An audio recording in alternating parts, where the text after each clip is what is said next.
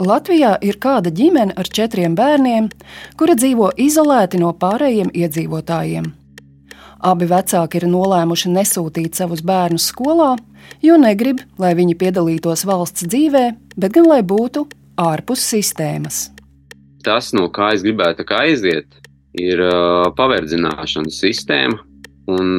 Cilvēki jau pietiekami daudz šobrīd, gan Latvijā, gan pasaulē, to ir aptvēruši. Atbildīgo valsts iestāžu darbinieki uzskata, ka vecāki šādi nepilda likumus, arī par obligāto izglītību. Vai tas patīk vai nē, konkrētiem vecākiem bērnam ir jābūt reģistrētam kādā skolā, un tālāk jau var izvēlēties. Kaut arī bērniem ir tiesības uz izglītību un nākotnes iespējām, amatpersonas vien noplāta rokas. Ja ir ģimene, kura ir policijas meklēšanā, un neizdodas noskaidrot, kur ir ģimenes dzīves vieta, tad jau teiksim, bērnu tiesību aizsardzības institūcijas, piemēram, kā bāriņu tiesa, jau nemaz nevar būt kontaktā ar šo ģimeni. Kādēļ atbildīgās iestādes nespēja panākt to, ka ģimenē, kuras vecāki vēlas piekopt kardināli citādāku dzīvesveidu, nenodrošina to, kas institūciju ieskatā atbilstu bērna vislabākajām interesēm? Un kādā mērā cilvēki Latvijā ir tiesīgi dzīvot pilnībā nošķirti no pārējās sabiedrības. To atvērto failu pusstundā pētīšu es, Zane Eniņa. Pirmā daļa - tā ir biorobotu saruna.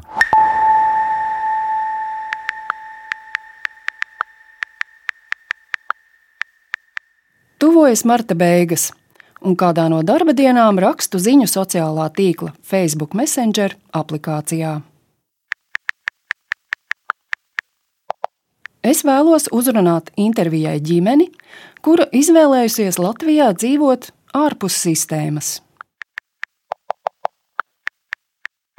Intervijas aicinājumam atsaucas ģimenes tēvs. Tā kā mobilo telefonu viņš ikdienā nelieto, es ar viņu tikai sarakstos.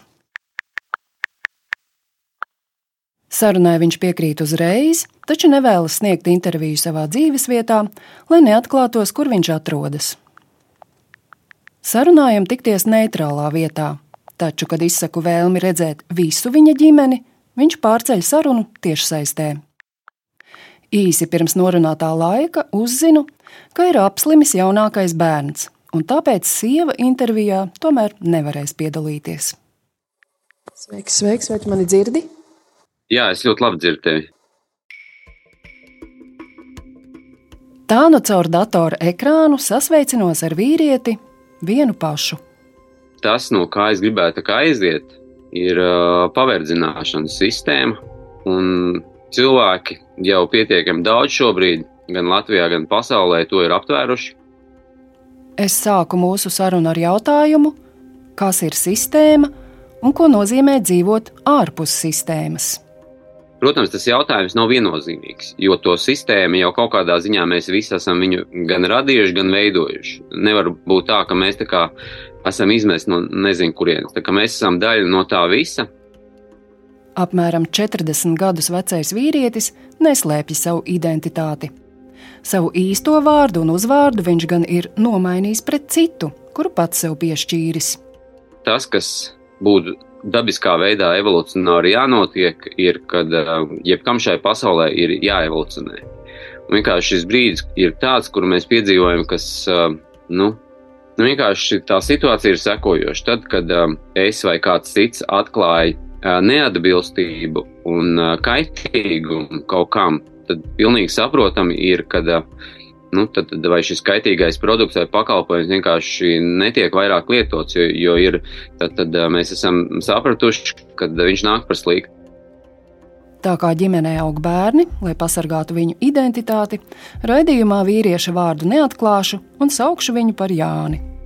Un tajā brīdī, kad es pilnā mērā varu noargumentēt, kāpēc tas nāk par sliktu, tad, sanāk, ka tajā sistēmas ietvarā Tas nav pieņemams, tāpēc, kad ir sarakstīti tādi papīri un visiem viņi ir jāievēro. Tad neatkarīgi no tā, ir vai nav kaitīgs šis pakalpojums vai produkts. Tad diskusija pēc būtības nenotiek un kaut kādā ziņā nav iespējama arī. Jānis ir aktīvs interneta lietotājs un dalās ar saviem ierakstiem dažādās sociālo mediju platformās un mājaslapās.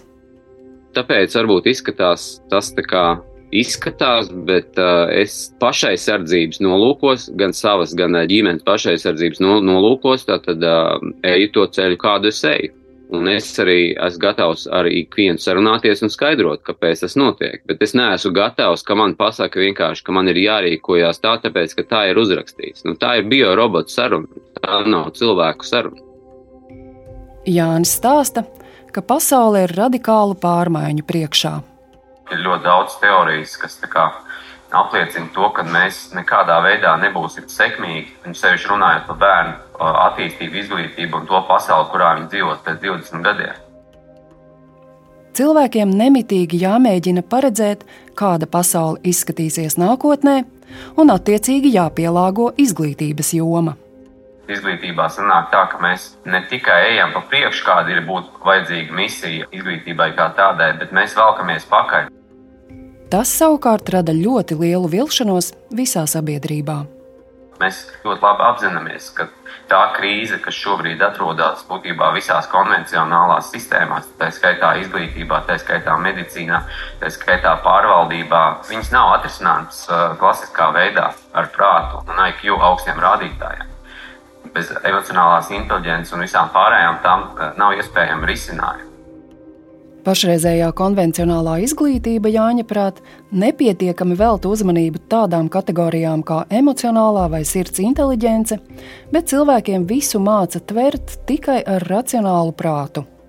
Tā mūsu tiecība uz eh, dabisko uz dzīvo, viņi vienkārši ir pastāvējuši kopš bērni pievienojās eh, mums kā ģimenei. Tādēļ savus bērnus viņš audzina citādāk. Mēs jau sākotnēji negājām konvencionāli, vai runājot par bērnu ienākšanu pasaulē. Visi četri bērni ir dzimuši mājās. Un tas nākamais izaicinājums bērniem ierodoties, ar ko vecāki par ko sāk domāt, protams, ir bērnu attīstība un, un izglītība. Jānis ar sievu nolēma savus bērnus izglītot paši. Savukārt jaunāko, ceturto bērnu, pēc piedzimšanas nemaz nereģistrēt dzimstarakstu nodaļā. Jāņa sieva par to iepriekš izteikusies kādā video ierakstā internetā. Mans motīvs ir palikt tur, kur es esmu, iet ceļu, kuru es eju, godīgi, sargāt savus bērnus, dot viņiem labāko, kas ir iespējams tādā veidā, kā šobrīd mēs dzīvojam. Daudz komentē, ka, ka mēs kaut ko bērnam, tam nereģistrētajam bērnam kaut ko atņemam. Viņš pagaidām neko nav zaudējis. Un es vienmēr atbildu, ka tādā momentā, kad eh, mums būs nepieciešams, ja mums tas būs vajadzīgs, mēs varam izlemt, ko darīt, un, ja vajag, tad veikt reģistrāciju.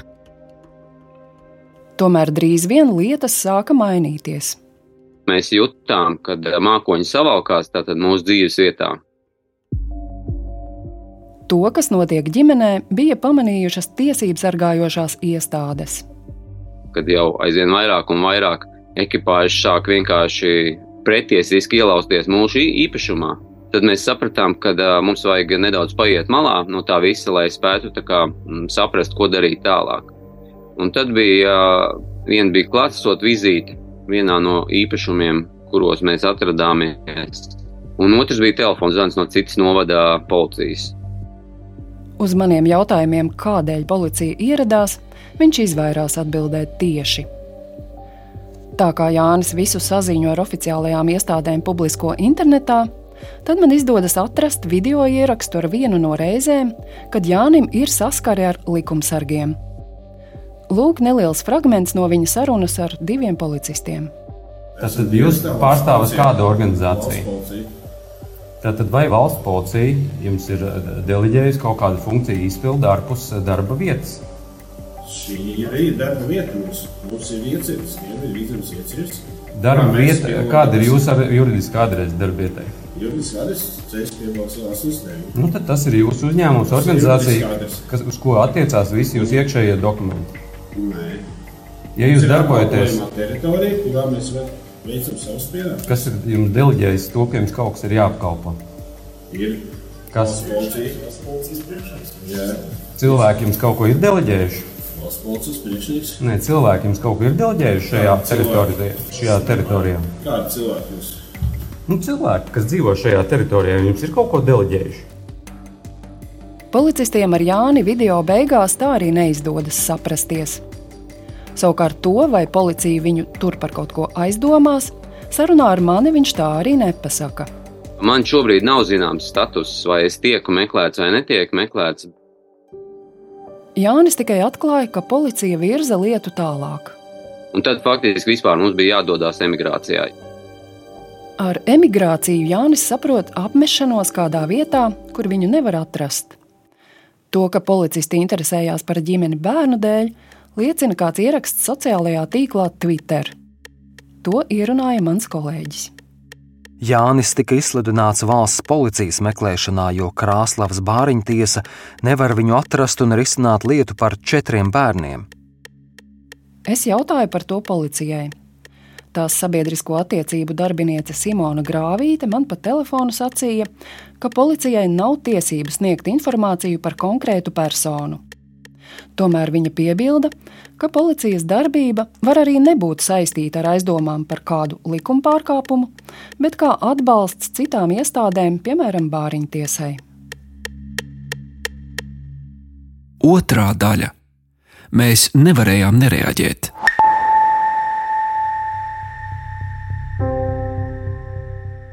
Tas, ka Jānis un viņa sieva nav reģistrējuši jaunāko bērnu un ka pārējās atvases neapmeklē nevienu skolu, bērnu tiesību sargājošo institūciju skatījumā ir likumpārkāpumi. Laikā, kad ģimene uzturējās savā īpašumā Krāslavas pašvaldības teritorijā, interesi izrādīja Krāslavas bāriņtiesa. Arī sarunu ar bāriņtiesas darbiniecēm Jānis ierakstīja un publicēja. Tālāk neliels fragments no ieraksta. Mēs sēžam pie brīnišķīga ugunskura un pie brīnišķīga ezera. Es varbūt uh, sākšu to, to lietu, lai, lai ievies kaut kādu skaidrību par to, kas mēs esam un uh, kāpēc jūs esat kā, iespējams atbraukuši un kāpēc uh, ir izveidojusies tāda situācija, kad ir satikšies cilvēki tādā brīnišķīgā vietā pie tāda brīnišķīga ugunskura un uh, risina jautājums, par to, lai mēs dzīvotu labākā pasaulē. Vai jūs esat kaut kādā veidā kaut ko ievākuši informāciju, kas mēs esam un, un ko mēs tagad pārstāvam? Mēs nevaram nekādas informācijas savākt, tāpēc, ka mēs jūs nepazīstam pavisam, bet mēs atbraucam iepazīties. Vienkārši mums bija ziņa. Rēģēt uz jā, to mums ziņu. vajadzēja uz to ziņu rēģēt. Labi, Saprat, saprat, saprat. Nereaģēt kaut arī anonīma ziņa, jā. Situācijas ķīlnieki, sakot, uh, visi esam šobrīd labi. Jānis sāk stāstīt bāriņtiesas darbiniecēm, ka pats nodzīvojis sistēmā ilgus gadus un ir bijis dziļi iesaistīts izglītības procesos. Viņš uzskaita savus sasniegumus izglītības jomā - pedagoģijas bakalaurs, mūzikas, kā arī kvalitātes vadības maģistrs, iesācis studijas izglītības vadības doktorantūrā, taču promocijas darbu nav aizstāvējis. Bāriņtiesas pārstāvis gan vēlas runāt par Jāņa bērniem. Bērni arī jums sanāk, ka veselu gadu nemācījās, tad tā bija, tā ir taisnība, jā? Vai Jā. jūs paši jūs mācījāt? Tātad uh, mēs bijām uh, kādu laiciņu, mūsu mājmācības forma bija, uh, mācību forma bija mājmācība. Atbildi Jānis turpina ar garu pamatojumu, kāpēc secinājis, ka mācības skolā bērniem radītu apdraudējumu. Skaidro, ka centies atrast saviem kritērijiem atbilstīgu mācību iestādi, taču vienmēr atdūries pret tendenci visus skolēnus pielīdzināt pēc vienas mērauklas. Vēlāk kopā ar sievu mēģinājis dibināt pats savu alternatīvo skolu, taču tas nav izdevies. Nerodot iespēju bērnus izglītot pieņemamā veidā, pāris izšķīries par mājmācību. Taču bāriņtiesas darbinieces aizrāda, ka Jāņa izpratne par mājmācību atšķiras no tās, kas noteikta likumā. Proti, lai izglītības programmu apgūtu mājās, bērnam jābūt pieteiktam kādā mācību iestādē. Skola šajā procesā iesaistās un sniedz atbalstu. Jāņa atvases nevienā mācību iestādē nav reģistrētas. Tad no ieraksta noprotu, ka pieaugušajiem pievienojas kāds no Jāņa bērniem. Nu, tu māki iepūst tajā instrumentā, ko? Cik bērni, bērniņam ir? Es paturpināšu to, ko es stāstīju. Tātad eh, to norāda arī būtībā visā pasaulē, kad emocionālā inteliģence šobrīd ir tas, kas noteiks tavas pozīcijas darba tirgu.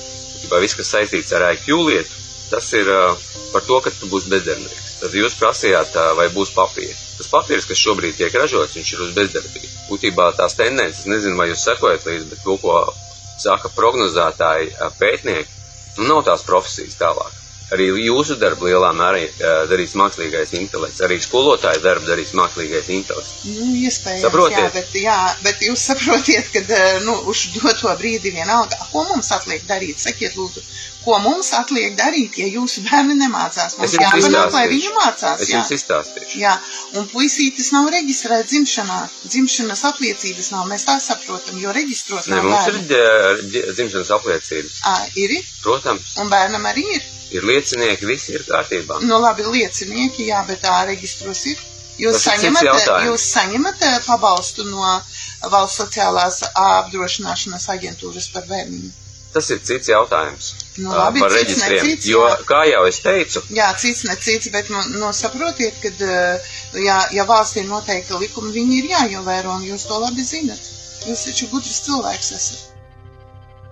Pēc policijas un bāriņtiesas intereses par viņa ģimeni, Jānis daudzām valsts institūcijām, ieskaitot Tieslietu ministriju un valsts prezidentu, izsūtīja vēstules, kurās sūdzējās par institucionālo vajāšanu.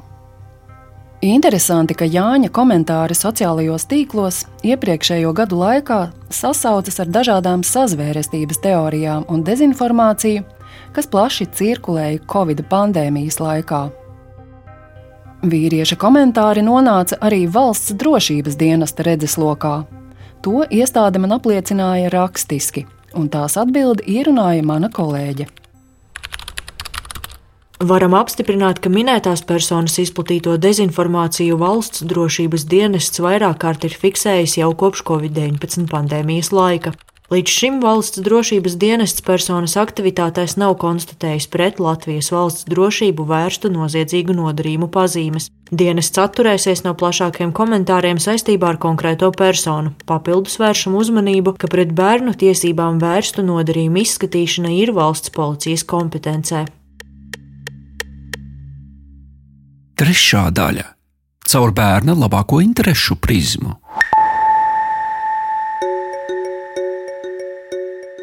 Lai noskaidrotu, kā situāciju ar Jāņa ģimeni vērtē Valsts bērnu tiesību aizsardzības inspekcijā, intervijai uzrunāju iestādes vadītājas vietnieci Valentīnu Gorbunovu.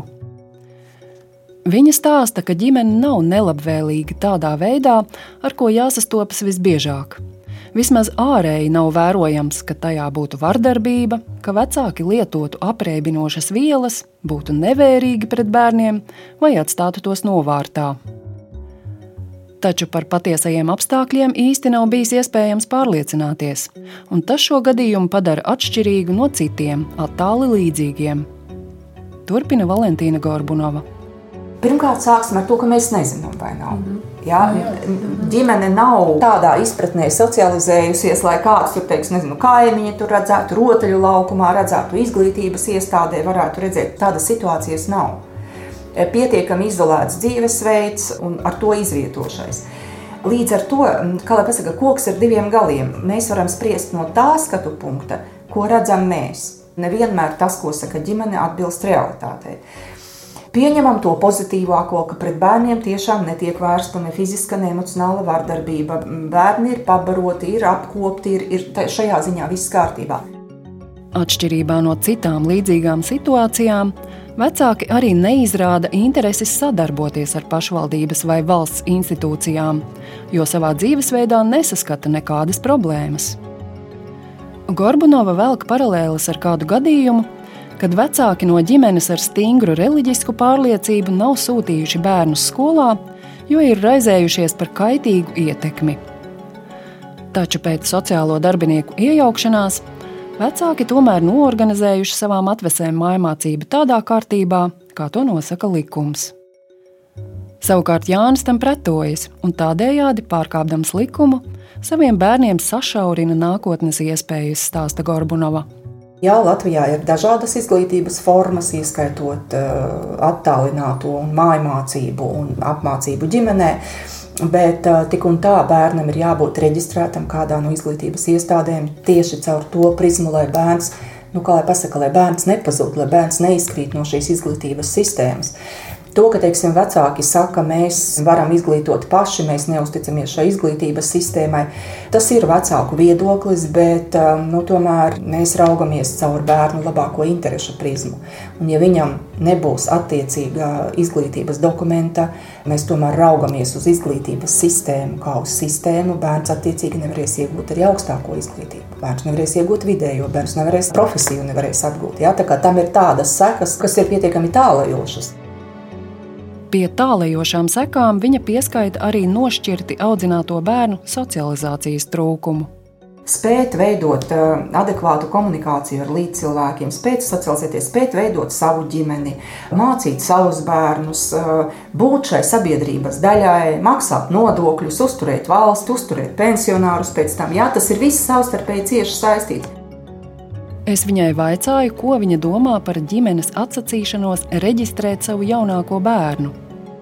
Idejiski, ja mēs skatāmies, abstrahējamies no šī gadījuma, bet vispār šis bērns ir vistiešākais cilvēku tirsniecības upuris potenciālais, tāpēc ka viņa nekur nav. Viņš nevar pazust, jo viņa nav. Ja juridiski cilvēks neeksistē un viņam nav personas koda, tad bērnam nav arī pilnvērtīgas piekļuves veselības aprūpei. Teiksim, ja notiek nu, kaut kāds ekstrā gadījums un bērnam ir nepieciešama mediķu iesaiste, protams, ka to palīdzību mediķis sniegs. Bet idejiski šādu bērnu Latvijā nav, ja viņš nav reģistrēts. Pašlaik ir grūti paredzēt, kā attīstīsies situācija ap Jāņa ģimeni. Tieši individuāls sociālais darbs ir instruments, uz kura iedarbību pirmkārt cer valsts bērnu tiesību aizsardzības inspekcijā, taču tas nevarot turpināties bezgalīgi.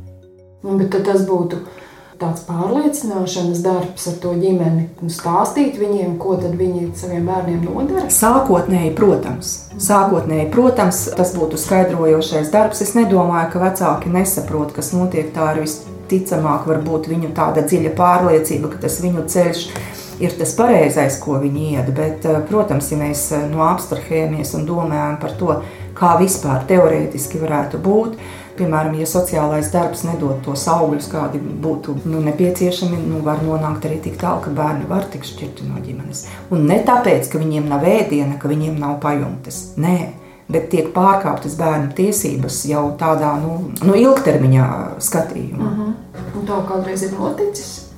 Ka bērni tiek šķirti no ģimenes.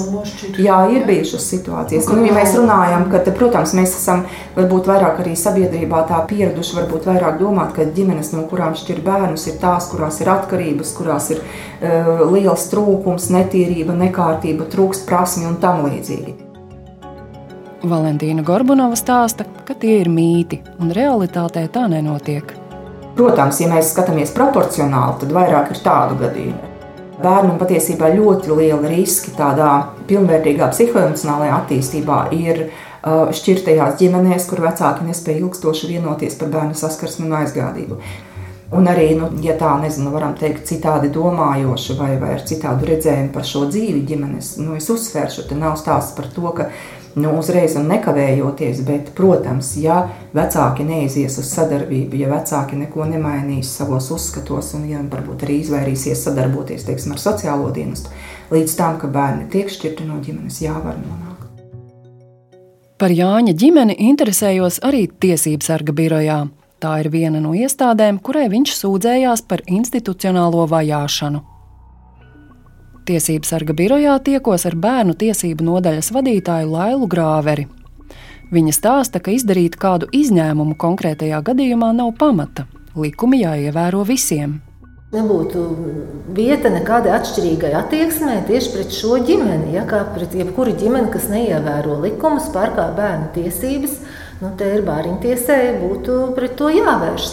Otrs, mēs jau nezinām, cik tā ir patiesība, cik tā ir fikcija. Viņš jau varbūt tā tikai stāsta, un īsnībā gan tas bērns ir reģistrēts, gan viņš ir skolā reģistrēts. Nu, es pieļauju, ja tā jau arī var būt. Mums ir vārda brīvība, taču katrs var veidot kādus tur blogus un kādas mājaslapas, grib un stāstīt savas teorijas. Vai tā tiešām ir? Pēc viņas teiktā, tiesības sarga birojā esot bijusi pārliecība, ka bāriņtiesa zina par ģimeni, tāpēc birojas vairāk tā arī nav iesaistījies. Laila Grāvera gan saredz iespēju, kā atrisināt situāciju, ka Jāņa ģimenes jaunākais bērns nav reģistrēts. Bērnam ir tiesības tikt reģistrētam uzreiz pēc dzimšanas, Un, ja mēs skatāmies likumā, kā ir teikts, likumā arī ir pieļauts tādu gadījumu, ja bērns nav reģistrēts, tad tā iestāde, kuras rīcībā ir šīs ziņas par nereģistrētu bērnu, var šo bērnu reģistrēt. Tas nozīmē, ka, lai bērnu iekļautu iedzīvotāju reģistrā, ar iesniegumu dzimtsarakstu nodaļā varētu vērsties bāriņtiesa. Tāda kārtība no likumā ir paredzēta. Mm. Šeit būtu svarīgi zināt, kā sauc. Ja bāriņu tiesa zina, kā sauc šo jaunāko bērnu, tad bāriņu tiesa varētu reģistrēt šī bērna dzimšanu. Šī raidījuma tapšanas laikā Krāslavas novada bāriņtiesā vēlējos sarunāt interviju, bet tās priekšsēdētāja Ilona Bidzāne man to atteica. Viņa skaidroja, ka Jānis ar ģimeni vairs neuzturas šīs pašvaldības teritorijā, Līdz ar to vietējā bāriņtiesa par šo jautājumu vairs neatbild. Otra Jāņa dzīves vieta ir Siguldas novadā, taču arī tur pašvaldības iestādēs interviju man nesniedza ar līdzīgu pamatojumu. Šī ģimene tur vairs nedzīvojot, tādēļ mudināja mani par to interesēties Krāslavā. Tāpat Jāņa ģimene nav sociālā dienesta uzmanības lokā, jo tajā nepastāv sociālie riski, Tā man telefoniski sacīja Siguldas novada sociālajā dienestā. Kur pat laban atrodas ģimene, nezina arī valsts bērnu tiesību aizsardzības inspekcijā. Stāsta Valentīna Gorbunova. Ja ir ģimene, kura ir policijas meklēšanā, un neizdodas noskaidrot, kur ir ģimenes dzīves vieta, tad jau teiksim, bērnu tiesību aizsardzības institūcijas, piemēram, kā bāriņu tiesa, jau nemaz nevar būt kontaktā ar šo ģimeni ja uz telefona zvaniem neatbild vai, vai neiziet citādi uz kontaktu, tad, diemžēl, jā, situācija ir tāda, bet šeit ir nu, jautājums policijas darbiniekiem. Cik aktīvi, ar kādām metodēm mēs tur nejaucamies iekšā. Mēs, nu, tas ir policijas darbs. Jānis ir neziņā par savu un bērnu turpmāko dzīvi, taču varas iestāžu interesi uztver kā apdraudējumu un sadarboties negrasās viņiem ir tiesības norobežot bērnu no vecākiem un tad viņus intervēt. Jūs saprotiet, ko nozīmē pieaugušais ar iespējām manipulēt un, un visādām psiholoģiskām iespējām ietekmēt šo sarunu par labu sev. Tāpēc vismaz pagaidām Jāņa ģimene plāno palikt tur, kur ir, kā viņš saka, piesardzības un pašaizsardzības nolūkā. Mēs zinām ļoti daudz stāstus, kur vienkārši brutāli tiek izmantots spēks un bērni izņēmumi. Jautāju Jānim, cik ilgi viņa prāt tas var turpināties, un vai šādu dzīvi viņš novēl saviem bērniem. Protams, ka nē, bet uh, es arī nenovēlu to, ko piedāvā esošā sistēma sabiedrība. Tātad vienkārši pazaudēt savus spējas, talantus, savu radošumu, kļūt par skrūvīti, kļūt par uh, patērētāju, kļūt par visu to lomu tēlotāju, kas tiek piedāvāts sistēmā. Jānis stāsta, Lai arī pat labam bērniem nav iespēju apmeklēt pulciņus, kuros varētu radoši izpausties, situācija tomēr nesot tik slikta. Līdz ar to atliek tikai nogaidīt un tikmēr nodoties pavasara ārā darbiem. Mēs jau gribētu savā zemītē tur visus, visus tās sēklas salikt, bet nezinu. Mēs esam nu, tādās pārdomās, kā to vispār izdarīt, lai mēs varam atgriezties mājās vienkārši. Kā tas būtu iespējams, Jānis pagaidām nezina. Viņš runā par sev zināmiem gadījumiem citās valstīs, kur cilvēkiem esot izdevies norobežoties no vietējām valsts iestādēm. Nu, tur jau miljonos ir šie pamatiedzīvotāji, kas būtībā jau, jau kļuvuši par tādu tā kā autonomiju, uz kuriem neatiecās vairāk visi šie personu noteikumi, tā skaitā ar visiem nodokļiem un tā tālāk. Raidījumu veidoja Zana Eniņa, Džedards Džēlzis un Rēnis Budze atvērtie faili.